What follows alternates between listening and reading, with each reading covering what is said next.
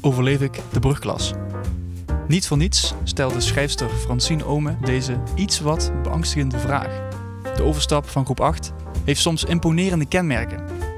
Nieuwe vriendschappen, nieuwe vakken, een nieuwe start, nieuwe school en dan ook nog eens in het begin van de puberteit.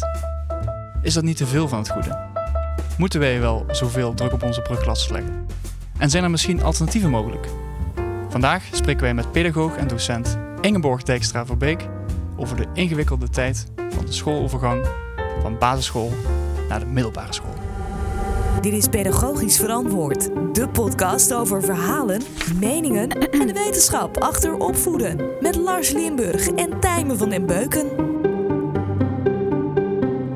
We zitten er klaar voor, voor een nieuwe zoektocht naar het pedagogisch verantwoorden, Lars. Ja, inderdaad, ja. En niet uh, op een uh, vreemde plek voor jou? Nee, nee, nee. Ik ben uh, hier in dit huis opgegroeid. We zijn vandaag bij mijn ouders te gast. En die hebben een mooie ruimte waar wij konden opnemen. Ja, want jij gaat binnenkort verhuizen. Hè? Dus dan had jij even deze...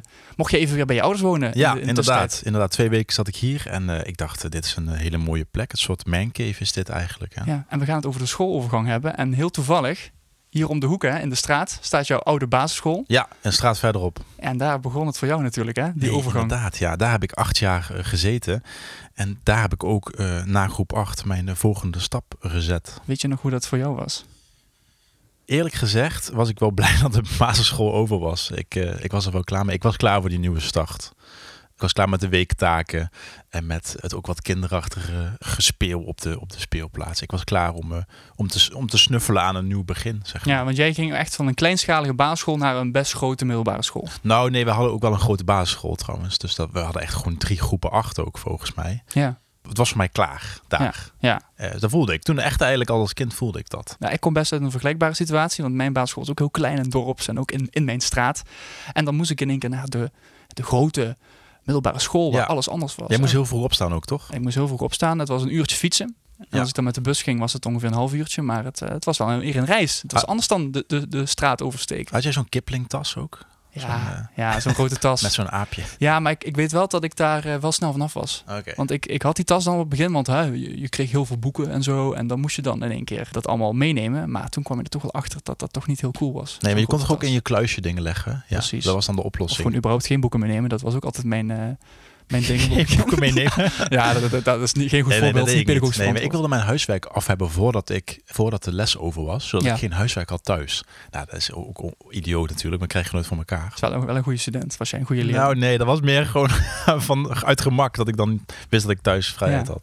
Maar ik denk dat dit onderwerp wel heel belangrijk is. Ook zeker voor onze podcast en zeker voor, voor ouders en voor docenten om, eh, om hier wat, wat meer bij stil te staan. Omdat het is wel een overgang van basisschool naar middelbare school. Dus toch wel hè, een, een andere wereld waar die kinderen instappen. En gaat dat altijd wel goed? En kan dat beter? En is dat wel, gaat het nu wel op een goede manier? Nee, ik denk ook dat ouders hier heel veel aan kunnen hebben, omdat ze gewoon niet altijd de goede handvatten hebben om eh, dat proces te begeleiden. Hè? Ja, Daar hebben ze toch wel een taak in, denk ik, ouders. Niet? ja. ja want wat, wat deden jouw ouders om jou te begeleiden naar die, naar die school, naar die nieuwe school? Nou ja, het werd altijd wel goed gefaciliteerd. Dus we gingen wel samen inderdaad een tas uitzoeken en eh, Ja. bedenken van oké, maar hoe kun je dan fietsen en zo. Weet je wel, dat soort dingen. ik, ging Dat de eerste keer met mijn vader eh, dat stukje af, dat stukje fietsen. Ja, echt? Van, om die weg te weten. Ja, ik moest dan echt, echt een uur fietsen naar ja, middelbare ja, school. nee, ik, ik niet dan. Maar. Dus dat was dan één keer, eh, als, als basisschoolkind van in de jaar of twaalf, moet je dan één keer die lange weg gaan fietsen. Dus Ja. dat is toch wel, eh, wel een stap. Maar, en, en ook die nieuwe vriendjes, ook waar we het straks al over hadden in het intro-stukje. Dus ik denk dat het wel een, een geschikt thema is om dat te bespreken met Ingeborg Dijkstra. Hè. Dat is een pedagoog die zich heeft verdiept in onderwijsvraagstukken. Mhm. En ik denk dat zij wel de geschikte gast is voor dit onderwerp. Ja, inderdaad. Zij heeft ook op heel veel dingen heeft zij wel eh, wat te zeggen gehad. Maar vooral dit is wel een interessant onderwerp bij haar. Hè? Zeker. Ja. Dus Lars, ik stel voor dat wij de aflevering gaan starten met de stelling. Pedagogische stelling. Ja, en de stelling van deze aflevering, eh, die gaat natuurlijk ook over die schoolovergang. En de stelling is, de basisschool en de middelbare school moeten onder één dak. Ik denk dat het wel los moet staan van elkaar. Dus ik denk dat de middelbare school echt ook een andere eh, wereld moet zijn op zich. Want voor kinderen is het gewoon een wereld. Hè? Eh, De basisschool Ja. is een wereld en de middelbare school is een wereld.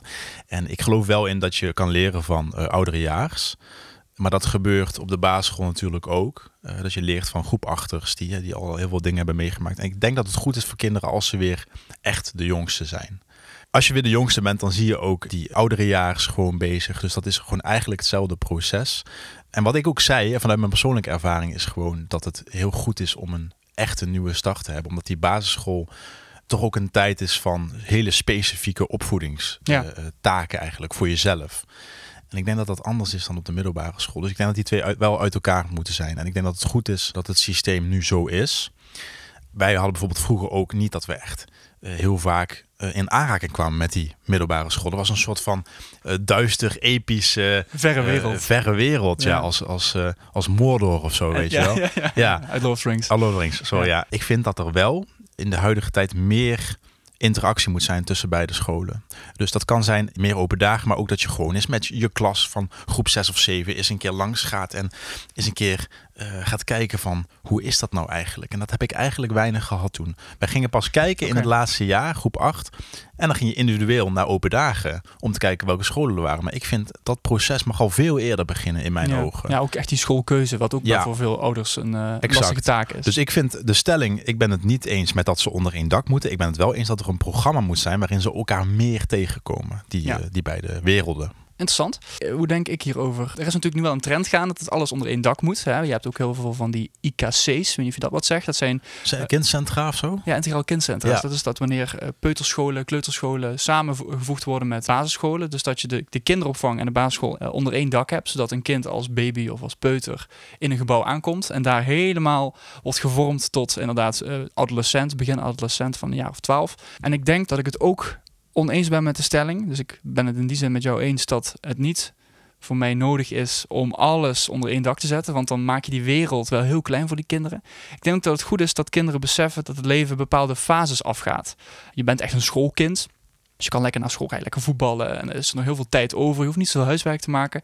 En dan ga je toch naar die adolescentie, waar veel meer verantwoordelijkheid op jou staat te wachten. Dat je veel meer zelf moet plannen. Je wordt steeds zelfstandiger. Dus per zelfstandigheids fase, ja. zeg maar, komt er weer een nieuwe school met nieuwe mensen, uh, nieuwe taken die je moet volbrengen. Dus ik denk dat die, die fase, die, dat opstapje wel heel mooi is. Alleen, uh, wat jij ook zegt, dat het wel wat meer gestimuleerd mag worden. Dat die overstap niet een soort van val in het diepe is. Mm. Want dat is het vaak nog wel bij heel veel kinderen. Zeker wanneer het gaat over die schoolkeuze. Hè. Ga ik nou naar de school waar al mijn vriendjes op zitten? Ga ik naar de school die mijn ouders het beste bij mij vinden passen? Of die bij hun levensovertuiging past? Of ga ik naar de school die de meeste scores heeft, hè, die het hoogste op de, op de ranglijstjes en zo staat. Ik denk dat daar wel meer begeleiding bij mag komen bij die overstap maken. En daar hebben we het al helemaal niet gehad over schoolniveaus, hè? over het VMBO, HAVO, ja, VBO. advies ook, daar hebben we het ook nog niet over oh, gehad. Ja, dat komt nog een keer terug. Maar, uh... Ja, daar gaan we nog een keer een aparte ja. aflevering over uh, maken. Maar dat komt er allemaal bij kijken. Dus ik denk, het hoeft niet allemaal weer onder één kap, want dan wordt het nogmaals weer heel klein, die wereld voor dat kind. Uh, want dan gaat je kind, komt dan als, als kind aan en die gaat daar weg als, ja, als iemand die een studie gaat volgen, als, als jongvolwassene. Ik, ik vind dat die kinderen die wereld mogen zien. Ik, denk, ik vind dat kinderen de wereld mogen ontdekken. En dat, daar horen ook andere steden, aan andere dorpen, andere scholen bij. Mm -hmm. Ja, daar ben ik het mee eens. Het is, het is te veel een, een bubbel eigenlijk, zeg ja, jij. Ja, dus Lars, wij kunnen ons de hand schudden, want wij zijn het dus allebei uh, oneens met de stelling, de basisscholen en de middelbare scholen moeten uh, samengevoegd worden, moeten onder één dak zitten. En natuurlijk is het doel van deze stelling dat wij wellicht op andere gedachten gebracht kunnen worden door de wetenschappelijke bronnen die uh, we dadelijk erbij gaan pakken. En het gesprek met uh, Ingeborg. Nou, misschien komt Ingeborg dadelijk wel met hele interessante feiten, waardoor we dadelijk wel in één keer zijn voor een gigantische middelbare school waar ook een basisschool in geïmplementeerd zit. Wie weet. Wie weet. Maar als ik zei het net al even. Ik, ik zag jou net nog even vlak voor de aflevering nog even snel de, de wetenschappelijke archieven doorspitten. Je was wat, wat interessante heel recente onderzoeken aan het. Ja, tuurlijk. Altijd recent. Ja. heel goed. En ik ben, uh, ja, ik ben heel benieuwd wat je meegenomen hebt, Lars. Wetenschappelijk verantwoord. Ja, over dit thema schoolovergang. Dat is natuurlijk best wel een heel interessant vraagstuk. En toch was het best moeilijk om daar hele recente onderzoeken over te vinden. Omdat elk onderzoek kiest ook een andere benaderingswijze. Hè? En wat grappig is, Tijmen, ik heb nou twee bronnen gevonden, allebei uit Noorwegen. Wat zegt dat jou over Scandinavië eigenlijk? Nou, wat ik van de Noorse of Scandinavische trend weet, is dat wij als Nederland heel veel daarbij afkijken als het gaat over pedagogiek of over onderwijs. Ja, Heel veel stromingen die, we, ze- die ze in Noorwegen allemaal uitvoeren, zeker als het gaat over risicovol spel, over natuurbeleving, dat soort zaken. over verlof van eh, zwangerschapsverlof. zwangerschapsverlof, Ja. allemaal dat soort pedagogische thema's, dat halen we toch een beetje uit Noorwegen. Dus ik denk dat, bijzonder, hè? Daar zit iets. Daar, daar zit daar iets. ja, daar zit een soort magie of een soort pedagogische wijsheid of Ja. zo, waar wij uit, eh, uit Nederland veel van willen leren. Misschien Dus moeten wij toch een keer een uitje, een, een, een, een uitje doen met pedagogisch verantwoord naar eh, Scandinavië. ik ben voor. Eh, bron 1 eh, is van eh, Kari Spernis. Dat is een onderzoeker van de Ostfold University College in Halden, eh, Noorwegen. En die ging echt op zoek naar welke bronnen zijn er nou eigenlijk over de schoolovergang. Wat hebben mensen geschreven? Dus internationaal geschreven over dit onderwerp. Oh, zij heeft dus heel veel onderzoek gebundeld en bekeken van wat is er nou Ja, bekend. en dat was heel fijn voor mij, want ik vond gewoon nergens echt eh, een heel eenduidig antwoord op deze Ja, vraag. Wat heeft die vrouw voor jou eh Nou, dat heeft hij gedaan inderdaad. Eh, waar, waar ze achter kwam is dat scholieren zich meer focussen op sociale en emotionele problemen die zich voordoen vanuit de schoolovergang. Dus dat gaat over relatie tot leeftijdsgenoten, hè, peers heet dat dan, Mhm. pesten en mentale gezondheid. Dus het gaat heel erg over hoe ga ik om met die sociale aspecten. Terwijl leraren die bevraagd zijn, die hebben het meer over het leerproces. Dat er een ander leerplan is, dat de schoolstrategieën eh, misschien anders zijn op de middelbare school, toetsen en dat, dat die leerlingen dan eigenlijk dat allemaal niet gewend zijn. Hè? Da- Ja, daar hebben, die hebben het dan Het is ook al een hele andere manier van, van leren. Hè? Want in die basisschool dan ga je vaak, eh, dan heb je de één docent. hè, In de meeste gevallen. Dus dan staat er één persoon voor zo'n klas. Af en toe voor zo'n vervanger. Maar dan eh, zoveel vaste gezichten. eh, wisselingen van vakken. En dan, je hebt dus toch steeds dezelfde gezichten. En, Ja. en, en nu in één keer, ja, je moet van lokaal wisselen. Je moet van persoon wisselen. En in één keer die toetsen die heel de belangrijk manier zijn. van toetsen ook helemaal anders inderdaad. Ja. Verder hebben ze het nog over dat technologie verschilt. Nou ja, je hebt natuurlijk op middelbare scholen weer veel meer manieren om de, de stof tot je te nemen. ja. En dan ging het ook nog over de steun van medeleerlingen en leraren. Eh, dat is natuurlijk anders. Hè. Ze gaan ervan uit op de middelbare school dat jij meer zelfinitiatief neemt daarin, denk Ja. ik, dan op de basisschool, waarin je gewoon een soort van elke dag een soort traject aflegt eh, met z'n allen in een trein springt. Ja, in één keer moet je goed kunnen plannen. In één keer moet je al je toetsen goed kunnen, kunnen voorbereiden. Eh, Ja. je, moet het in eh, ja, je moet het in één keer kunnen. Ja. Gelukkig zijn er wel een paar, paar scholen die al heel vroeg kinderen leren plannen. Maar dat is nog niet altijd het geval. Hoor. Nee, ja, weektaak inderdaad vroeger hè, Ja. op de basisschool. Zeker. Wat in deze bron nog staat, is dat de artikelen nog oplossingen geven voor deze problemen. Dan komen er een paar dingen naar voren. Dat zijn actieve communicatie tussen schoolniveaus. Nou, dat is Ah. eigenlijk waar ik het, waar ik het eigenlijk over had in de, in de stelling van, eh, van deze keer. Ja. Ja, die moeten gewoon veel beter met elkaar praten over hoe je die, die verschillen kleiner kan maken. ja, dus daar heb je het inderdaad over de, de VMBO, HAVO, VWO eh, niveaus. Die moeten met elkaar meer in gesprek gaan. Eh, ja, dat. Maar ja, ik heb het ook over de scholen die meer i- in gesprek moeten gaan over hoe die overgang kleiner kan maken. Ja, ja, oké. Bepaalde aspecten worden gepakt van de middelbare school die al een beetje in groep 8 en groep 7 een beetje meegenomen worden. Ja. Ik, ik, ik heb het gevoel dat dat nog te weinig gebeurt. Oké. Daarnaast de samenwerking tussen thuisfront en school. Nou ja, eh, ouders zijn ook gewoon belangrijk in die transitie. Dat kan beter volgens deze bronnen. En tenslotte hebben ze het nog over de ontwikkeling van transitieprogramma's en pestpreventieprogramma's. Ook dus dat zijn, ja, dat, dat zijn eigenlijk een, een soort manieren om op allerlei manieren, dus sociaal en eh, qua intelligentie, kinderen voor te bereiden op die stap. Mhm. Ja, want je komt ook in één keer in een vreemde omgeving met weer nieuwe kinderen, nieuwe achtergronden. Dus dan komen inderdaad onderwerpen zoals pesten er ook weer, eh, weer om de hoek kijken.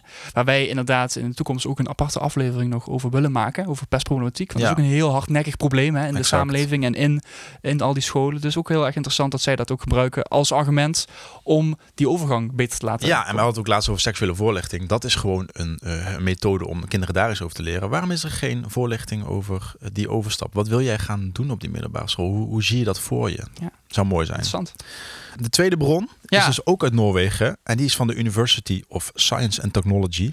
Van eh Gro Marte Strand. Dat is ook een onderzoeker. Die heeft leraren en schooldirecteuren bevraagd. Wat zij belangrijk vonden in de begeleiden van die overgang. Oké, dus echt de, de mensen die aan de top van de, de bestuurlijke niveau zitten eigenlijk. Ja, maar ook leraren, dus gewoon echt de praktijk. Wat die leraren belangrijk vinden, is dat de academische, sociale en emotionele aspecten, dat, die, dat daar aandacht voor is, zodat die overgang voorspelbaarder kan worden gemaakt. Ja. En dat komt omdat nu scholieren of basisschoolkinderen nog denken van, eh, nog geen verwachtingen misschien hebben of de verkeerde verwachtingen hebben. Daar moet iets mee gebeuren, vinden deze mensen. Oké, dus hier gaat het vooral over dat we de kinderen de verwachtingen moeten bijslijpen, inderdaad. En ik lees hier ook academische vaardigheden. Daar gaan mensen altijd van denken, hé, hey, uh, gaan we dan universitaire uh, onderwerpen aanhalen? Maar volgens mij, uh, maar academische vaardigheden, daar wordt ook mee bedoeld, hè? het wiskunde, de filosofie. De, dus echt, echt die, die hele harde vakken natuurlijk. Ja, die dingen die je uiteindelijk op de universiteit ook kan tegenkomen of op het hbo ook kan ja, tegenkomen. Precies. Ja, ja, wat deze uh, mensen vinden wat werkt, hè, dus die mensen uit de praktijk, die directeuren en die leraren, mm -hmm. is een veilige psychosociale leeromgeving waarborgen. Nou, we kunnen bij Inborg even navragen wat dat dan precies inhoudt. Want ja, daar zijn heel veel manieren voor timen hoe je dat dan voor elkaar krijgt. Ja, wellicht kan Ingeborg het even specificeren. Wat, wat deze wetenschappers daar wellicht mee bedoelen. Ja, kijk, Ingeborg heeft dit onderzoek zelf niet gedaan, maar nee, wellicht heeft ze wel een idee nee. daarover. Uh, die leraar had het ook nog over dat leerlingen tijd en steun moeten krijgen om scholieren te worden. Dat is ook gewoon een proces. Ja. Verder het onderwijs aan te passen aan de vereisten van de leerlingen en samen te werken op schoolniveau en met ouders. Dus die driehoek van het kind, de ouders en de school. Ja, dus dat ze meer gaan luisteren naar wat zij willen. Hè? Dus door bijvoorbeeld van die medezeggenschapsraden of leerlingenraden, dat soort zaken. Exact, dat, uh, ja, ja oké. Okay, inderdaad. Okay. En tenslotte uh, gaven leraren wel aan, dus hier tegenover, dat er meer kennis over een soepelere overgang gewenst is. Okay. Blijkbaar hebben die leraren die hier zijn bevraagd ook nog niet echt helemaal de kennis over hoe je dat dan soepel kan maken. Nee, want ik mis ook heel erg het, het omgaan met die onzekerheden en zo. En met al die. Kijk, zij, ja, ze noemen wel psychosociale problematiek. Maar bedoelen ze dat, dat dan ook mee? Hè? Met die, dat kleine kind wat dan met dat grote rugzakje zo'n groot nieuw gebouw instapt. En dan in één keer een hele nieuwe wereld over zich heen krijgt. Ja. Hoe die daar dan mee moet omgaan. Is dat dat psychosociale? Dat vraag ik me ik af. Ik denk het wel. En ik denk dat er nu te veel wordt uitgegaan van. Dat komt wel goed. Dat is Ja. een natuurlijk ding. Terwijl ik denk, ja, Ja. Hè? Ja, daar valt ook wel wat van te zeggen, toch? Het ja komt ook maar er is ook uitvaltimen. Daar moeten we het met Ingeborg ook over hebben. Er, is, er, er zijn kinderen die uitvallen op zo'n school. En Ja. ook doordat ze, dat de overgang te groot bleek. Ja, ja. Of, of die inderdaad wat, wat meer tijd nodig hebben. Hè? Want dat is natuurlijk ook wel interessant waar we het daar ook met Ingeborg over eh, kunnen hebben. Is moeten we niet die kinderen wat langer brugklassen laten zijn. Dus meer laten ontdekken. En dan pas gaan kijken van hé, hey, moeten we dan niet pas bijvoorbeeld zo'n zo'n niveau gaan Ja, kiezen? Of zaten wij vroeger wel in een apart brugklasgebouw. Dus dat was toch een soort van bubbel nog. Oh, jullie waren dus al een beetje zo'n bijzonder experiment. eh. Eigenlijk wel, toen wel, ja. daar ben jij uitgekomen. Dus wellicht Ja. is dat dan... eh, Dat is een, eh, een, een bewijs dat het goed werkt. nee, Ehm, ik denk dat er heel veel input is voor het gesprek met Ingeborg. Want eigenlijk weten jij en ik ook nog niet precies wat de beste manier is om de overgang te begeleiden. Nee, we kunnen net zoals we net gedaan hebben, veel vertellen over hoe we zelf dingen meegemaakt hebben. We hebben net even gekeken hoe de wetenschap eh, erover denkt en hoe de wetenschap het wil oplossen. Maar ik denk dat het gewoon het beste is om, eh, net als de kerstverse brugklassers, onze tas in te gaan pakken, die veel te vol is.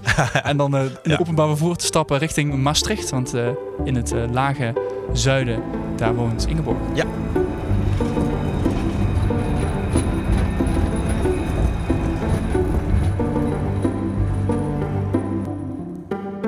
Deskundig verantwoord. Zo, Lars en ik zijn aangekomen in het eh, altijd mooie, idyllische Maastricht. En we zitten aan een keukentafel of de, de woonkamertafel. Ja, de eettafel zouden we zeggen. Maar het is een tafel waar meer gebeurt dan alleen gegeten wordt. Ja. Ja, aan de, de leeftafel. Aan de tafel. De, De, de, leeftafel. de leeftafel van Ja. eh, Ingeborg Dijkstra Verbeek. Pedagoog, ja, docent, eh, onderwijsdeskundige.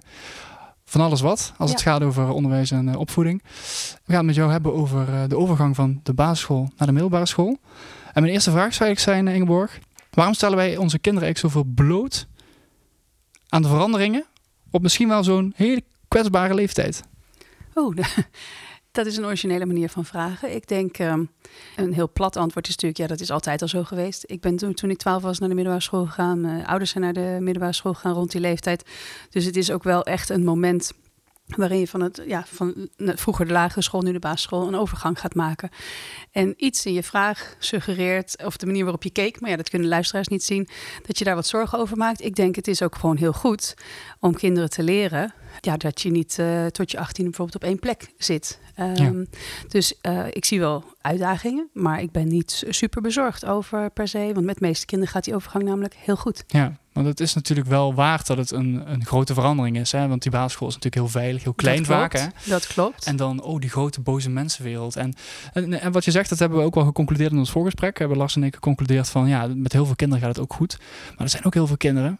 En ik denk dat iedereen het ook wel een beetje in zichzelf kan herkennen. Van ja, er zijn ook zorgen. En er zijn ook wel momenten waarin je toch even, even angstig kan zijn van, oh jongen, wat moet ik er allemaal doen? Ik moet plannen, ik moet met mensen vriendjes gaan worden, ik moet in één keer misschien zelfs een relatie gaan beginnen, want dat hebben mensen om me heen ook allemaal in één keer. Ja, en dat je, ook, je kan je verloren gaan voelen misschien. Klopt. als- Oh, er als zijn- kind. Er zijn zeker uitdagingen, dat zal ik niet ontkennen. Die, die zijn er ook altijd geweest. Maar ik denk wel dat het juist goed is als ik bijvoorbeeld kijk naar, eh, naar eh, hoe sommige kinderen opgroeien. Die misschien eh, hun hele leven in hetzelfde dorp hebben gewoond. Hun hele leven op dezelfde basisschool hebben gezeten. Om ook eens te ontdekken dat er een wereld is naast het vertrouwde. Ik denk dat dat eh, bijvoor- best, eh, zullen we zeggen, pedagogisch verantwoord is. Om te, ontdekken dat, ja, dat er een andere wereld is om buiten de, de bubbel te, te, te leven. Maar wat je noemt is zeker waar. Het is een hele spannende overstap. Afhankelijk van hoe, eh, hoe je al in je vel zit. Het is ook een leeftijd waarin je gewoon ontwikkelingstechnisch van alles eh, gaat gebeuren. Van kind tot in de tienertijd. Dat kan extra onzeker maken. Je kunt op de basisschool ja, minder goede ervaringen hebben. Bijvoorbeeld in de sociale omgang. Ja. Waardoor zo'n overstap spannender wordt. Het kan ook zijn dat je nog heel, wat ze zeggen, speels bent. Waardoor je, Ja. en misschien, of letterlijk heel klein. Ik heb niks tegen kleine mensen, maar als je een heel klein mannetje bent. Want het zijn vaak de jongens die iets achterblijven Mhm. in de groei op die leeftijd. En je ziet dan die grote 18-jarige jongens van 1,85 en je komt daar eh, met eh, een kop kleiner. Dus het, het, het kan een samenloop van omstandigheden zijn. Ja. Maar ik Ik ben- zit wel te denken, we, we hadden het in de voorbereiding ook een beetje over.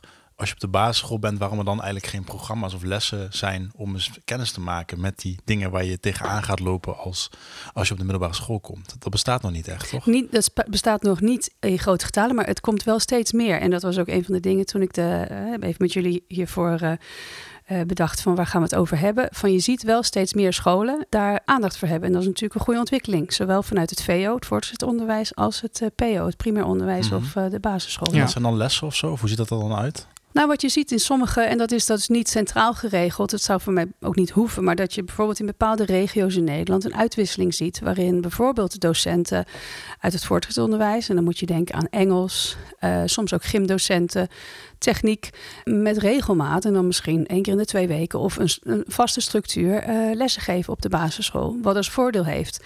Ook de werkdruk te ontlasten van de leerkracht in het eh, basisonderwijs, maar ook dat de kinderen alvast, bijvoorbeeld in dit geval drie van die docenten zouden kennen van de misschien de middelbare school die in de buurt ligt. Want dan moet, eh, dat kan je natuurlijk niet met alle scholen doen. En ook gewoon om een beetje kennis te maken, met name met zo'n vak als wiskunde of techniek wordt ook nog wel eens gegeven, eh, waarin het eh, basisonderwijs gewoon extra hulp altijd nodig is en handig is. En ook gymdocenten, want die zijn vaak wegbezuinigd eh, Ja. op de basisschool. En als dan zo'n gymleraar van de middelbare school vast de gymles is komt geven, dan voel je niet meer zo heel erg verloren. Nee. In ieder geval richting de volwassenen. Dat is een mooie ontwikkeling dus eigenlijk dan. dat zie je zo heel kleinschalig, maar dat is echt een kwestie van afspraken tussen regionale scholen. En dat is niet ja, vanuit de overheid geregeld of zo. En als je het hebt over die grens die ze dan eh, overstappen, hè, dus, dus die grote boze buitenwereld eigenlijk eh, betreden met een eh, vaak grote rugzak met al die boeken erin. Zeker, vallen bijna achterover, zo zwaar is die. Ja, dan, dan dan komen er dus allemaal dilemma's bij kijken waar we het net ook over gehad hebben. Maar het kiezen van zo'n middelbare school, dat is toch va- vaak nog steeds een, een ouder ding, toch? Van dat doen de ouders wel voor het kind. Ja, dat- daar benoem je ook wel een punt. Want soms is de overstap voor het kind nog wel, bij veel kinderen die ik ken dan, of eh, je- tieners, die vinden die overstap nog niet eens heel spannend. Maar zijn, vinden de ouders het vaak nog spannend. Die, die, ja, die ventileren dat onwillekeurig op hun kind. En daardoor kan soms de spanning die een kind ervaart in groep 8 eh, toenemen. Omdat de ouders het eigenlijk super spannend vinden. Vooral in het geval dat het het eerste kind is wat die overstap gaat maken.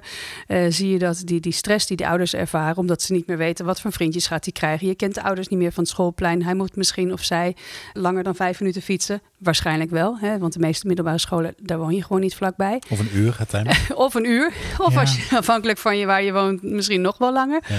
Daarin zie je ook bijvoorbeeld als er dan open dagen zijn. En we hebben natuurlijk in de afgelopen twee jaar wel de pech gehad dat die fysiek gewoon bijna niet te bezoeken waren. Waardoor het extra spannend werd. Maar ehm, dan zie je ouders wel een behoorlijke vinger in de pap hebben. En op zich is dat niet verkeerd. Want het is natuurlijk ook bekend dat kinderen van die leeftijd in groep 8 heel erg korte termijn denken. En soms alleen maar bezig zijn als er een cool eh, muzieklokaal is met toevallig een poster van hun favoriete band.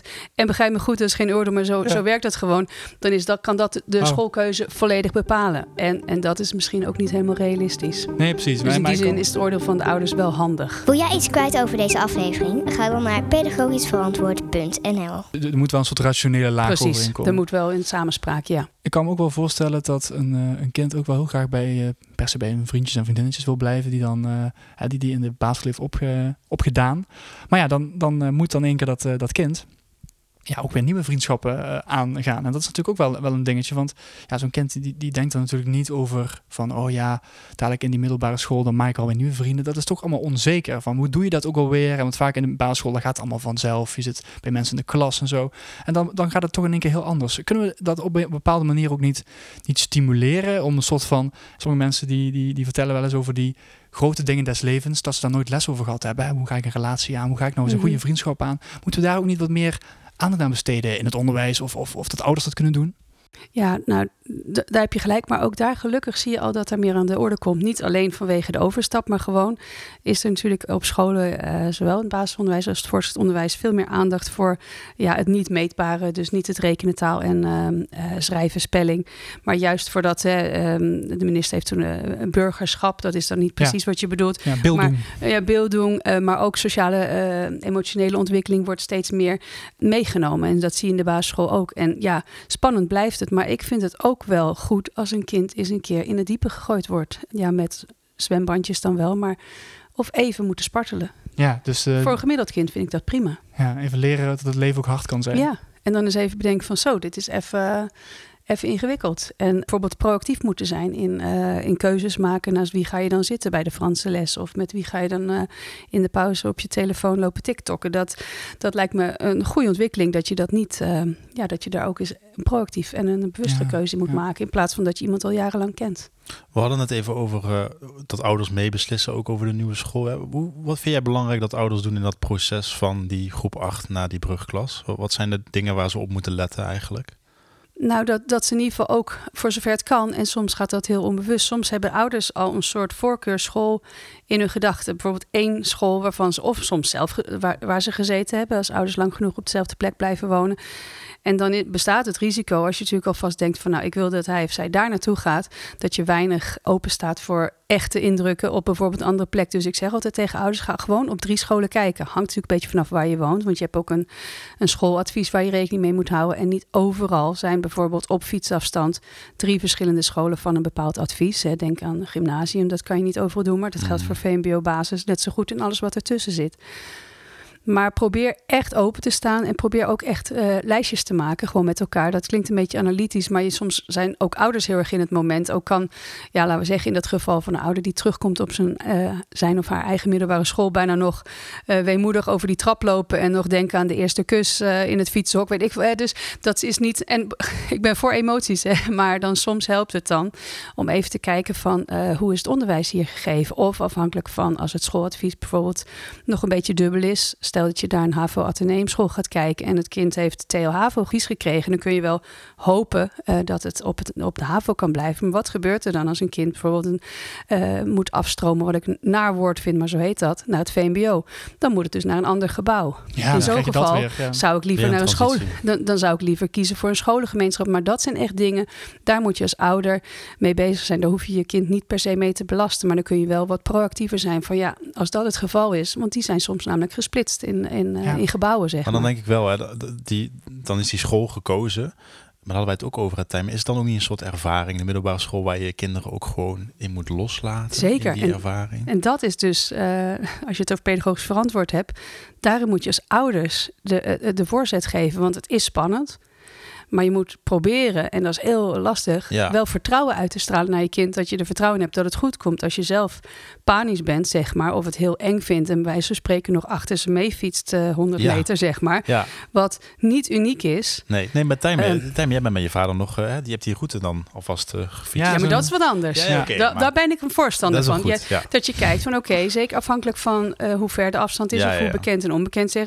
Ik ben zeker voor het begeleiden erin dat je misschien vijf keer die route is fietst in Ja. de zomervakantie. Maar daarom zijn we ook hier, omdat het gewoon lastig te grijpen is. Waar zit nou die grens van eh, loslaten maar, en maar ze volgen of eh, Find My Friends op de telefoon zetten en verplichten dat je kind dat aandoet. Zodat je Ja. weet dat of die eh, na schooltijd meteen naar huis fietst. Of misschien toch even een ommetje maakt via de stad om een ijsje Ja. te halen. Ik zeg, ja, daar ben ik dan weer. Hè? Eh, er is zorg en bezorgd en Mm. Ja, overbezorgd. want dat En hadden wij in onze eerste podcast. eh het ging toen over social media en over hoe ouders eh, kinderen volgen. We hebben het er al een keer over gehad. Maar nu twee jaar verder, hoe kijk jij er eigenlijk naar dat ouders ook nu massaal die kinderen tracken? Ja, ik vind dat een hele ongezonde ontwikkeling. Ik ben echt een beetje zo van, uh, als je vertrouwen geeft, dan tot het beschaamd wordt, moet je eigenlijk best erop vertrouwen dat je kind heel veel dingen zelf kan. Ja. Tenzij er een goede aanleiding is om dat niet te doen, maar dan is het nog de vraag. Sommige ouders doen dat ook heel ja, onbewust, tenminste zonder dat de kinderen dat weten. Nou, Ja. dat vind ik dus echt niet oké. Ja. Dat is een hele verborgen boodschap. Zo van ik vertrouw eigenlijk, eh, ik vertrouw jou ten diepste niet. En ik wil eh, en ik ben te bang om je los te laten. Nou, dat vind ik dus niet pedagogisch verantwoord, zullen we maar zeggen. Ja. Nee, Ja. echt niet. Het is makkelijk, zeggen ze dan. Ja, nou, ik, vind, ik word er heel ongemakkelijk van. Ja, dus als die, die, die, ik die brugklasser, hè, die, die, die moeder, die zit daar heel, of, of vader, maakt het niet in principe niet uit. Die zit te wachten, want oh, die, eh, die brugpieper gaat voor de eerste keer met de, dat rugtasje en die fiets, de veel te zware tas op de fiets, naar die middelbare school. Oh, als dat maar goed gaat, dan toch even op de telefoon kijken hoe ver die is. Ja. Of, of het niet over die brug al is gegaan en zo. Ja, dan loopt hij een kat over de tafel, maar dat komt wel goed, denk ik. Hè? Hij bleef van de fly af, dus dan Fijn. goed Ja, opgevoed. Ja, heel fijn. Ehm, nee, dat is Maar, maar kun je dat begrijpen, dat ouders dat misschien doen? Dat ze denken van, oh, Nou- als dat maar goed gaat, even kijken, even checken. Ik kan begrijpen dat het spannend is, maar ik kan niet begrijpen dat je zo ver gaat. Tenminste, ja, ik, in die zin, ik ken ouders die het doen. eh, maar ik, ik probeer dan echt ten diepste te snappen en dat snap ik niet. Ik begrijp wel de angst. Eh, er kan van alles onderweg gebeuren. Maar dat kan je ten eerste al niet voorkomen door het op zo'n eh, blauw stipje te volgen op je telefoon. Ja. En ten tweede eh, denk ik echt dat je dan het gesprek met het kind aan mag gaan. En, en daar misschien dan wel woorden aan geeft, maar dan daar echt mee stopt. Ik vind het heel ongezond. Ja. Is ook voor een kind echt niet, eh, niet fijn. Ja, dus als het aan jou ligt, dan worden die appjes eh, per direct verboden. Nou, dat hoeft dan ook weer niet. Maar ik zou echt zeggen van, eh, heb het daarover. En ik zou inderdaad eh, dan als kind wel zeggen van... nou, dat vind ik gewoon echt niet oké. Want wat je dan eigenlijk aanwakkert... is dat ze dingen sneaky gaan doen.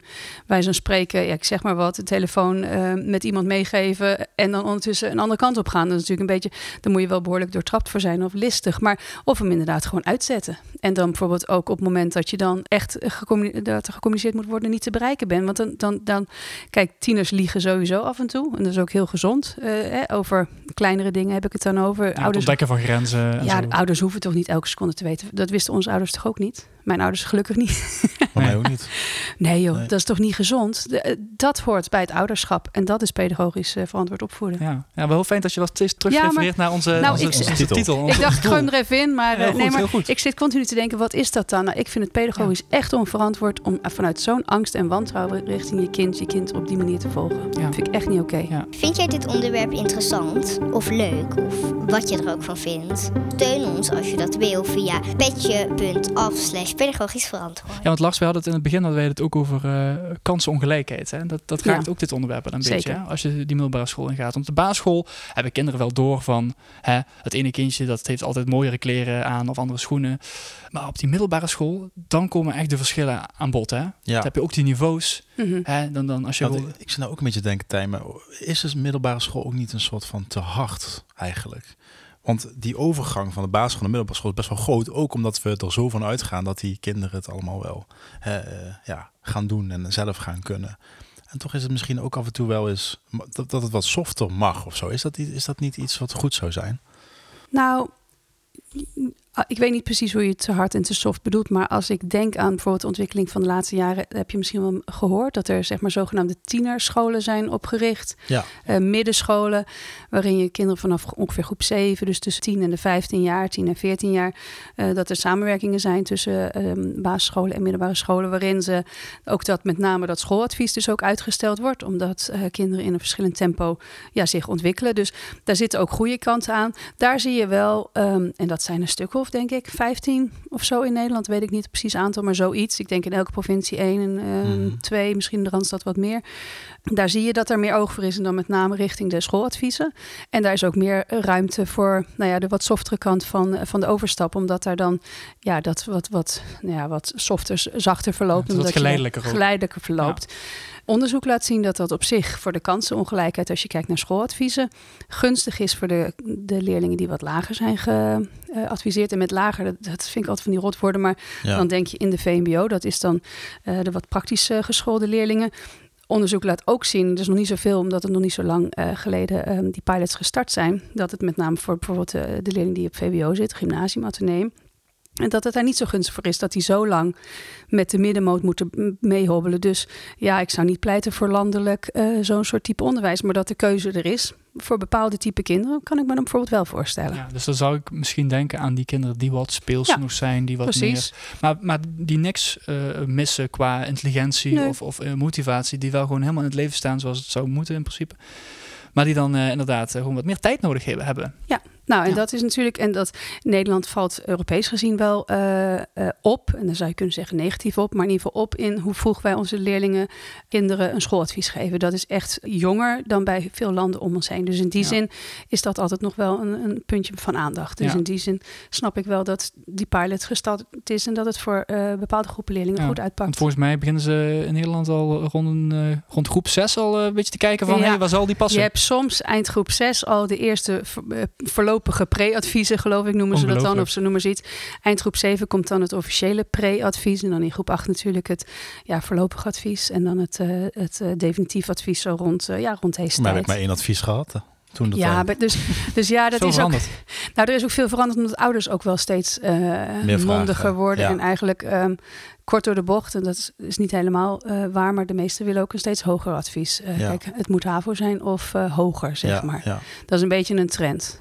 Omdat er gewoon op het VMBO, ja, en door de maatschappij en MBO ontzettend wordt neergekeken. Dus Ja. als ouders wil je niet op het hockeyveld staan en zeggen dat je maar VMBO hebt gekregen voor je zoon of dochter. ja. Ja. Ingeborg, ik zit ook nog even te denken aan de rol van de mentor in de Ja. brugklas. Belangrijk. Eh, ja. ja. ik kan me herinneren dat ik dat heel, dat heel fijne man vond. Die dat proces voor mij ook veel makkelijker maakte op een Ja. of andere manier. Ik, ik, ik voelde me eh, meer op mijn gemak omdat hij ook de aandacht en de tijd nam. Die, wat, wat is het bela- belang van die rol? Zeg? Ja, cruciaal. Ik heb nog even voor jullie komst eh, onderzoek, dat is dan wel van een jaar of tien geleden, erop nageslagen wat echt succesfactoren zijn voor het slagen van die, die overgang. Dat zit hem daarin, de pedagogische relatie tussen één of meerdere belangrijke personen van, ehm, eh, op de middelbare school, zeg maar. Mag ik de kat even naar buiten laten? Oh, die zitten te, te mouwen bij de deur. Natuurlijk, natuurlijk. Het is een diervriendelijke podcast, dus eh, dat mag zeker. Hij volgens mij zit hij hier bij, die, eh, bij het raam, hier eh, naast... eh, ja, Ingeborg gaat er even naartoe. Hier moet je gaan zitten, vent. Oh, dankjewel. La- Lars, die uh, had ik mij nu de koffie aan. Was ik vergeten. Jij moet Dankjewel, gewoon goed Lars. aan de koffie. Neem ik even een slokje. Ja. Ja hoor. We hadden het over de, eh, de rol van de mentor. Ja. Cruciaal om één persoon minimaal te hebben op de middelbare school waar je heel veilig bij voelt. En ook eh, de, die mentorlessen, had jij die toen ja, ook, zeg ja, maar? ja, inderdaad. Een paar keer. per- Mentoruur heet Ja, dat. me- Ja. één keer per week, twee Eén keer per week op ja. maandag.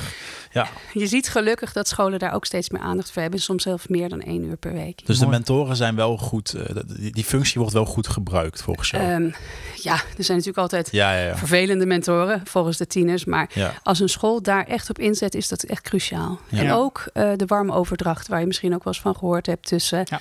eh, de basisschool en de middelbare school. Ja, Dat dus dat alle niet, informatie en de dossiers worden ook gewoon goed overgebracht. Ja, en dat is dan de koude. Dus gewoon het hele, ehm, nou ja, de, de koude, zeg maar. het onderwijskundige rapport wat opgestuurd wordt. Maar dat je ook echt met elkaar om de tafel gaat en, Ja. en het over de leerlingen hebt. Stel, eh, een kind heeft op de basisschool een diagnose gekregen, autisme of ADHD of iets dergelijks.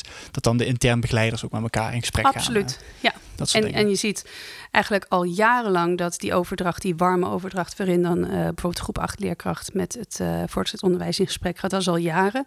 Een trend die je ook toeziet nemen. Die ook goed is, is dat dan ook bijvoorbeeld na zes of acht weken ze nog eens een keer bij elkaar komen. En dat dan de groep 8 leerkracht van, van zo'n brugklasse is, vraagt hoe het gaat. En dat je elkaar, omdat je dan beide het leer, de leerling kent en daarin nog even echt het gesprek aan gaat. Dat draagt echt bij naar een soepele overgang. Ja. Soepelere, ja. ja. Mooi. Ik zou toch te denken ook aan tips, Tijmen, voor die ouders die toch zich zorgen maken over die overstap. Wat zijn Ja. dan dingen die je zo kunnen meegeven? Nou, dat je het in ieder geval bespreekbaar maakt, bijvoorbeeld met de groep 8 docent. Je kunt afhankelijk van de zorgen die je hebt, soms er even voor kiezen om dat wel of niet met je kind te bespreken. Hangt een beetje vanaf. Hè. Sommige kinderen hebben echt wel wat meer zorg nodig. En dan is het ook handig om dat bijvoorbeeld buiten gehoorsafstand van een kind te doen. Als het een beetje binnen het, ja, wat normaal is, weet ik dan ook niet. Maar normaal is, kun je dat ook gewoon tegen je kind zeggen. Ik vind het wel super spannend. Eh, hoe kunnen we dit eh, avontuur samen aangaan? Ik geloof wel in daar gewoon bespreekbaar maken. ja, mooie Ook- eerlijkheid. ja, om, om te voorkomen dat je inderdaad met een soort eh, tracking manier zich gaat lopen volgen. Ook hoe ga je om met, met dat digitale, zeg maar. Alle scholen hebben ja, van die digitale systemen waarin het rooster staat. Waarin ook staat eh, of ze te laat komen, gespijbeld hebben. De punten, die worden daar... eh, Wanneer, wanneer je uit de klas wordt gestuurd. dat. Ja, Ehm, alles staat erin. alles staat erin. In onze tijd niet, hè. Tenminste, waren er nog een cijferkaart... en dan kon je nog met een eh, potlood en een gum nog redelijk wat mee sjoemelen. De- Denk je daar hetzelfde over als bij de tracking Zeker. systemen? Ik zeg, kijk als ouder niet in het digitale systeem. Niet wanneer er les is, niet wanneer er uitval is, niet Oh, wat huiswerk lastig. is. Het lijkt me zo lastig. Niet wat de Jij cijfers wil dat zijn. gaan doen, of nee, maar het, het staat daar op, op die app of zo. Je kan het maar al zien. Of maar oh, te openen en je ziet alles wat je kind fout doet en niet doet. Ja, Oh. afschuwelijk. Ja, dat, dat lijkt me heel niet lastig. verantwoord, nee. Dat is wel nee, nee. verleidelijk inderdaad. Nee, Volg ons op Instagram, LinkedIn, Facebook en Twitter. ik vraag altijd aan ouders, wat is nou ten diepste... Hoe wil je je kind, als, je, als ze 18 zijn, afgeleverd hebben zeg maar, in de maatschappij... als je dan zeg maar, klaar zou zijn met opvoeden... dan wil je dat ze mondig zijn, dan wil je dat ze zelfverzekerd zijn. En dan moet je eigenlijk al je handelen daarop afstemmen. Ja. En als Ja. je dus zelf gaat controleren... Nou, dan maak je ze niet zelfstandiger mee. Ik bedoel, kijk, natuurlijk moet je een, een zesjarige die gym heeft zeggen van vandaag is woensdag, je moet je gymspullen mee. Maar Ja, een twaalfjarige hoeft het. het Nee, het die mag het dan vergeten. Die mag zijn gymspullen vergeten. En dan, eh, Precies. ik moet ook wel even denken nog aan mijn moeder. Die deed eh, die, die theemomentjes. Dan Ja. Had ze een dag, had ze Ja. s middags vrij of zo. En dan heel subtiel haalden ze toch alle informatie die ze nodig had, haalden ze uit ons op zo'n moment. En, Moeders eh, zijn daar best goed in gemiddeld genomen. Ja, wat subtieler dan vaders, ehm, gemiddeld. Theemomentjes zijn prima. Ja, Eh, maar ook daarin, als, als een tiener even... Het hoort bij een tiener ook dat ze gewoon met een soort grom of eh schouderophalen de trap oplopen. En dan hoef je echt niet meteen bezorgd te zijn. Ja. Kijk, Hoe was je dag? Ja, Ja, en dan shockt, shockt het naar boven, zeg maar. En Ja. dan is die deur dicht. En dan, hoe was het op school? Hm. Ik zou echt ouders willen meegeven... ga in principe ervan uit dat het goed gaat met je kind. En als er echt aantoonbare aanwijzingen zijn... en dat is dus niet alleen een tiener die de hele dag op zijn kamer zit... want dat doen ze bijna allemaal. Dat zijn ook niet de tieners die de hele dag op eh, de bank liggen... want dat doen ze ook allemaal. Netflix of gamen of Mm. eh, Instagrammen. Ja. Ehm, maar je voelt ergens wel als ouders, als het goed is, als het een gemiddelde ontwikkeling is, dat er, ja, dat er iets knaagt. En ga dan eens kijken of naar de mentor, of nu als het in groep 8 is. En, en bespreek het eens met iemand anders. Want de meeste ouders weten ook wel dat ze vrij gekleurd naar hun kind kijken. Vanuit zorg en liefde, dat is oké.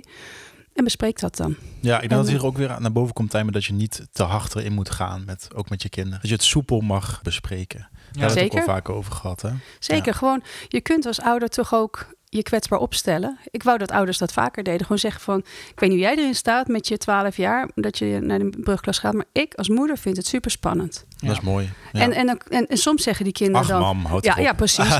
en dan van, maar waarom zou je dat niet doen? Want daar leer je ze ook mee dat als ze 18 zijn, dat ze ook af en toe mogen toegeven dat er iets best spannend is. Ja. Dat is Ja. toch een prima pedagogische boodschap. Nou, zeker, zeker. Die gaan, we, die gaan we meenemen. En die gaan we doorgeven ook eh, Ja. door deze aflevering. Ja. Ook. En beloof jij dan als je kinderen hebt dat je dat eh, digitale systeem gewoon niet gaat openen? Ik ga het proberen. Ik ga het proberen. Ik ga mijn best doen. Dat mag je ook tegen ouders zeggen. Van, doe gewoon je best. En Ja. als je eens een keertje toch eerder weet dat er een drie is voor Frans dan je kind.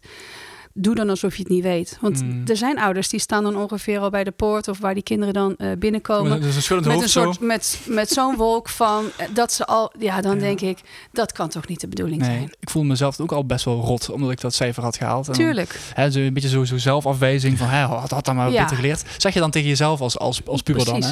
En dan komt dan ook nog eens zo'n zo'n ouder daar overheen die ook nog weer van alles vindt. En had je maar wat minder moeten spe spelletjes moeten spelen, dan had je het. Ja. Oh, Nee, want- wij, wij konden dat uitstellen. Wij konden daar 24 uur, 48 uur even mee wachten. Dat kwam natuurlijk op een gegeven moment wel. Of dan ging een mentor wel eens bellen als het eh, te bond werd. Maar dan moet je ook je kind de eigen tijd geven om te zeggen van... joh, hey, dat van Frans, eh, dat kan namelijk 24 uur later ook. Daarvan is Ja. niks aan de feiten. Ja, want als, als je zelf al alles kan zien en als je de hele ontwikkeling kan volgen, dan wordt het kind ook niet geprikkeld om iets te vertellen. Want Nee, het kind denkt, dat is precies. ja, je weet alles al, dus ja, wat moet ik nog vertellen? Wat moet nou, ik dat is dus wat ik ook net zei met dat tracken. Van als je een open communicatieve relatie met je kind wil... dan moet je dat soort dingen allemaal gewoon niet doen. Ja. Want het, dat Ja. leidt precies tot meer afsluiten en meer gaan verbergen. En soms zelfs liegen. Mhm. Nou, en Ja. dat kan dus niet de tiener zijn die op zijn 18-jarige leeftijd af wil leveren. Nee. Tenminste, lijkt mij. Mooi. Heel duidelijk. Als we te kijken naar de toekomst, pak een beetje tien jaar later. Mhm. Hoe ziet het dan eh, eruit volgens jou? Wat is jouw ideale overgang van de basisschool naar de middelbare school? Nou, ik denk dat het heel belangrijk is dat ouders en kinderen altijd een keuze hebben. Dus als bijvoorbeeld dan blijkt uit die pilot van bijvoorbeeld die tienerscholen of die middenscholen. Als dat blijkt te werken, dan zou ik zeggen, dan zou ik ieder kind gunnen of iedere tiener dat daar bijvoorbeeld een plekje is op fietsafstand, want dat is nu nog niet zo.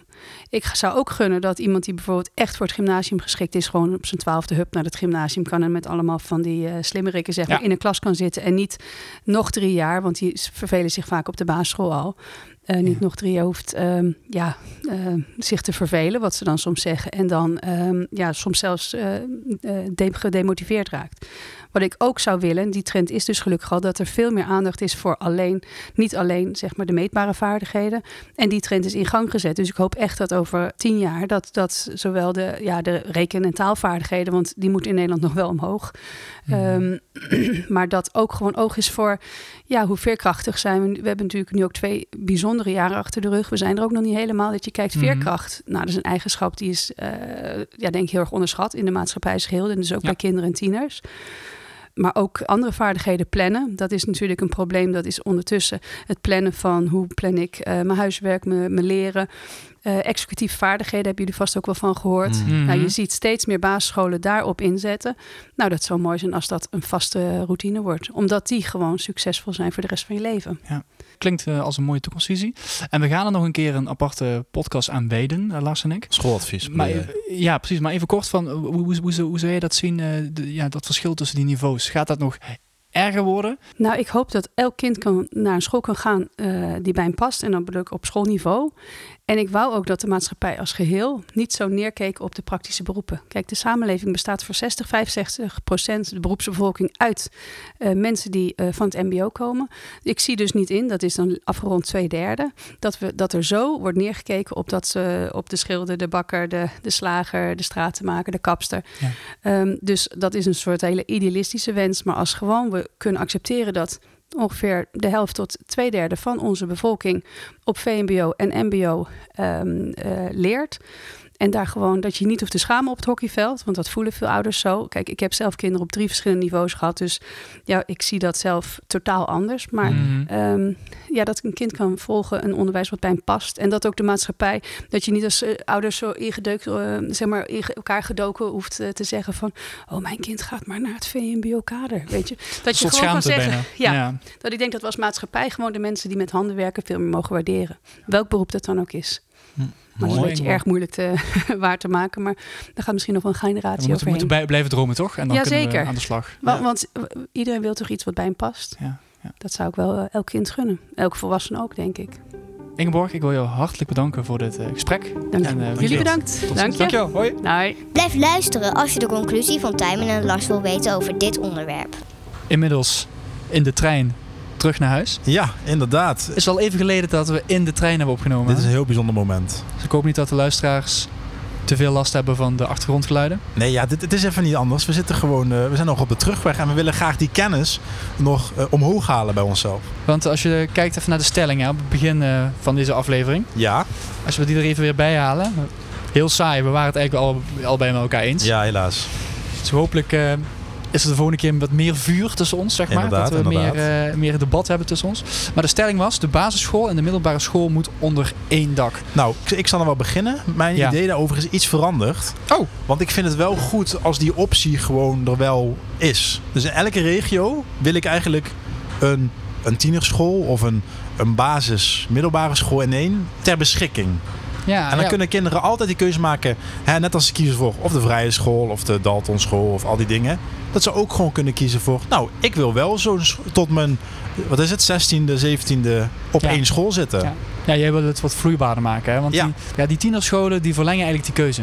En Tijmen, ik hou van experimenten. Ja. Ik vind je komt pas tot nieuwe inzichten als je af en toe wat uitprobeert. En daarom is het goed dat deze eh, alternatieve vormen er zijn. Ja, precies. Ik denk dat ik zelf bij de stelling blijf. Dat ik wel vind dat het twee aparte gebouwen moeten zijn. Omdat ik toch ergens denk dat het wel heel goed is om echt die harde verandering mee te maken. Dat je echt wel weet dat je leven van de een op de andere dag anders kan zijn. Dat kan in de rest van je leven, gaat dat ook gebeuren. Verder in je leven kan het misschien zijn dat je iemand in je leven wegvalt. Of dat je een hele grote verandering plaatsvindt met je woonplaats of zo. Dat je ergens anders gaat wonen. Dat je, dat je gaat verhuizen bijvoorbeeld. Dus ik denk dat het wel goed is als kinderen dat, eh, dat wel meemaken. Dat het gewoon in één keer allemaal anders is. En dat ze daarmee moeten leren omgaan. Eh, en natuurlijk ben ik er voor die begeleiding. Ben ik voor die communicatie tussen die scholen. Maar ik vind die harde knip, zoals ze dat dan misschien noemen, vind ik toch wel, eh, ben ben ik toch wel voor uiteindelijk. uiteindelijk. Tenzij je anders wil. Dat, dan, dan is het misschien wel mooi als mijn idee er wel ook is. Hè? Dat, Ja. dat die optie er is. Ja. Dat kan natuurlijk naast elkaar bestaan. Hè? Toch? Zou kunnen. Ja, die, die tienerscholen, dat is ongeveer wel een beetje Ja, ja, de tussenweg. dus, eh, Ja. dus eigenlijk heeft, eh, heeft Ingeborg een, eh, een mooie tussenweg aan ons, eh, Ja. aan ons Ja. gecommuniceerd. Dus dat is wel goed. Waren er nog dingen die, jij, die Ingeborg zei die jij nog niet had bedacht? Ik had nog niet veel nagedacht over die cruciale rol van de mentor. Daar had ik van tevoren niet over nagedacht. Nee. Dus dat die mentor een hele belangrijke rol heeft in dat eerste brugklasjaar. Ja. Want ik kan me ook nog herinneren dat die ene mentor die ik had, die was heel fijn, die begeleidde heel goed.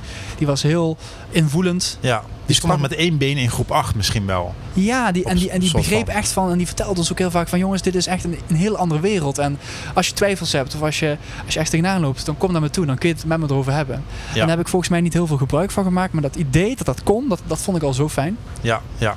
Nee, zeker. Dus dan heb je alsnog, want dat had je in de basisschool ook, één vaste docent. Had je alsnog een beetje die vaste docent. Maar dan was het die mentor.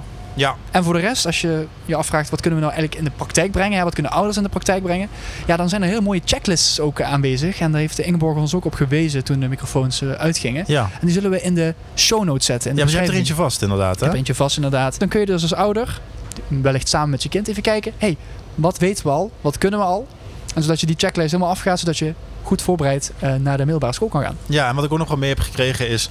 eh, ben als ouder ook eerlijk over dat jij het ook ergens misschien wel spannend vindt. Ja. Dat is toch wel ja, weer belangrijk om, Ja. om bij stil te staan eigenlijk. En eh, ook daarin niet doorschieten in die spanning, zoals Ingeborg ook zei. En niet dan allemaal die appjes gaan inzetten en zo om je, om je kind dan eh, tot in een treuren te volgen. En ze ook laten vallen. Want die middelbare schooltijd is ook een tijd van ontdekken en vallen en de fout ingaan. Dus Ja, wellicht kunnen we ook wel de boodschap overbrengen dat dat ook gewoon mag. En dat dat ook erbij hoort. Ja. Dat dat misschien ook wel een leuke conclusie is voor deze aflevering. nou dat is een hele mooie. Ja, online is natuurlijk veel te vinden naast die checklist die jij net hebt genoemd eh, over dit thema. En dan hebben wij vooral eh, het boek Schoolmania voorbij zien komen van Ingrid van Essen en Kiki Mol van der Lee. Dat is heel laagdrempelig over die overgang. Waar moet je allemaal rekening mee houden? Precies, Lars. Daar kunnen mensen allemaal eh, teruglezen. En uiteraard de bronnen die we gebruikt hebben in deze aflevering allemaal terug te lezen in de show notes. Doe dat Ja. vooral. Ja, en bedankt voor weer eh, luisteren naar onze aflevering. Eh, we hebben weer een ja, heel interessant thema behandeld eigenlijk. We willen Inge, Ingeborg natuurlijk bedanken eh, voor haar tijd en gastvrijheid. En ja, blijf zoveel mogelijk Pedagogisch verantwoord. Tot de volgende keer.